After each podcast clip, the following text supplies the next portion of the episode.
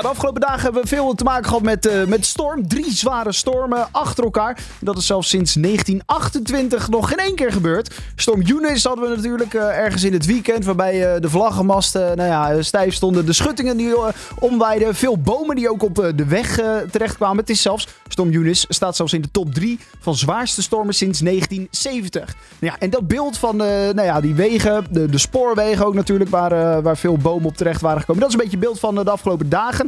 En daarover bellen we met Diederik Fleuren van Rijkswaterstaat. Diederik, goedemiddag. Goedemiddag. Ja, op het moment dat ja, die eerste weerberichten komen over zo'n storm, wat gebeurt er dan bij jullie als Rijkswaterstaat? Gaan dan alle alarmbellen af? Nou, in eerste instantie niet gelijk alle alarmbellen. We zijn wel gelijk alert. Ehm, we weten dat die stormen komen, alleen weet je dan nog niet hoe zwaar die stormen worden. Dus gaandeweg, in de week voorafgaand, eigenlijk of een paar dagen vooraf, dan, ja, dan wordt het beeld wat helderder van wat gaat dat uh, betekenen. En dan gaan we natuurlijk de eerste maatregelen nemen. Hè. Dus we zorgen inderdaad, de, de eerste storm was Dudley, dat viel nog wel mee. Ja. En daarna wisten we inderdaad dat Yunus kwam. En die zat op En daarvan wisten we dat hij een stuk zwaarder was. Dus dan neem je ook meer maatregelen. Hè. Op dat moment zorg je in ieder geval, dat doen we altijd al, dat er voldoende bemensing is in de verkeerscentrales dat we genoeg mensen hebben op de weg en dat er stand-by-bergers zijn op een aantal bruggen om in ieder geval het vrachtverkeer te ondersteunen op het moment dat die in de problemen komen. Ja.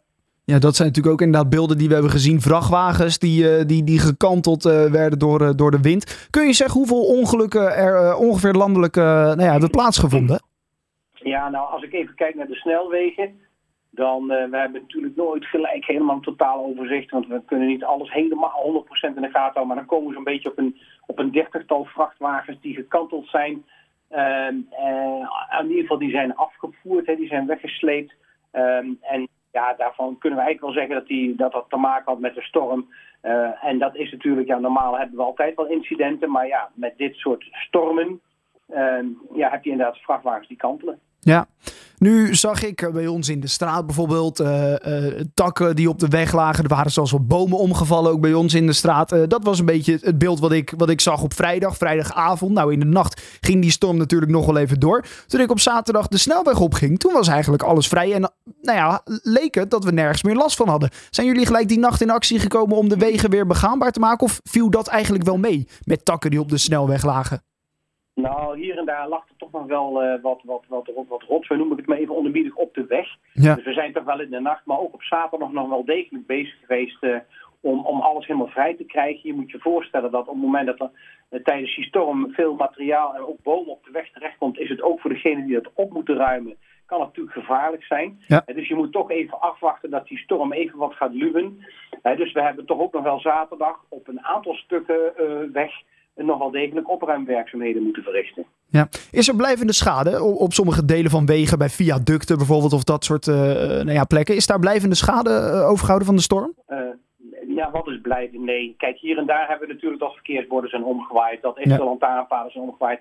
Maar dat is natuurlijk niet blijven, dat kun je allemaal rechtzetten. Dus het is niet zo dat bij wijze van spreken een viaduct dusdanig beschadigd is uh, dat hij niet meer bruikbaar is. Nee, gelukkig is dat niet aan de orde. Nee, oké. Okay. Dan werd er ook nog een uh, NL-alert, uh, nou ja, kreeg ik binnen op mijn telefoon, die sms'jes. Volgens mij zijn best wel veel mensen die, die zich daar ook een soort van voor hebben ingeschreven, die dat dan allemaal binnenkrijgen. Zijn dat voor jullie belangrijke nou ja, dingetjes die, die, die gebeuren om mensen bewust te maken van, van de storm en dat ze inderdaad, wat er in die NL-alert stond, blijf thuis? Ja, nou, dat, dat klopt inderdaad. Kijk, wat er aan de hand is, dat was op woensdag met Dudley nog niet. Toen hadden we code geel. En dan ja. zeggen we altijd, nou, als je de weg op gaat, let goed op. Hè. Twee handjes aan het stuur, et cetera. Pas op voor rukwinden. Maar er is nog geen reden om thuis te gaan zitten of om mensen thuis te laten. Uh, dat was op vrijdag heel anders. En we begonnen met, uh, met code oranje. Dat wisten we, die zelfs in de kuststreken ook nog code rood uh, werd. En op dat moment zeg je inderdaad, bij code rood, dan moet je de weg inderdaad niet opgaan. Dat is inderdaad te gevaarlijk. En zorg dan inderdaad dat, gewoon dat je, dat, dat je thuis blijft, laat ik het zo maar zeggen. Ja, inderdaad. Uh, hoe kijk je nu terug? Uh, zijn jullie als Rijkswaterstaat zijn er goed door die stormen heen gekomen? Ehm, ja, ik denk inderdaad dat we kunnen zeggen dat het gelukkig uiteindelijk allemaal toch is meegevallen. Kijk, die NL Alert had inderdaad ook nog als een reden, die werd uitgegeven door code rood en er stond natuurlijk echt extreem veel wind en dat waren we gewoon niet gewend. Ja. Was uh, 112 en was overbelast. Omdat iedereen die wat in de problemen kwam, om wat voor reden ook, met een afgevallen dakpan of anderszins, of een omgevallen boom, die gingen 112 bellen. En die, op een was dat degene mensen die echt in de problemen waren, die kwamen in niet meer door. Vandaar die NL Alert, om in ieder geval op te roepen, ga nou zo min mogelijk de weg op, blijf zoveel mogelijk thuis, voor iedereen, dus niet alleen de snelweg. Daarmee voorkom je ook dat mensen in de problemen komen. En de mensen die echt in de problemen zijn, kunnen dan die NL Alert, of de, sorry, de 112 bereiken, laat ik het zo maar zeggen. Ja. Voor uiteindelijk, ehm, wat ik nu zo'n beetje uh, terugkrijg, valt het mee. We waren op voorbereid, onze mensen waren op voorbereid, de werkers waren op voorbereid.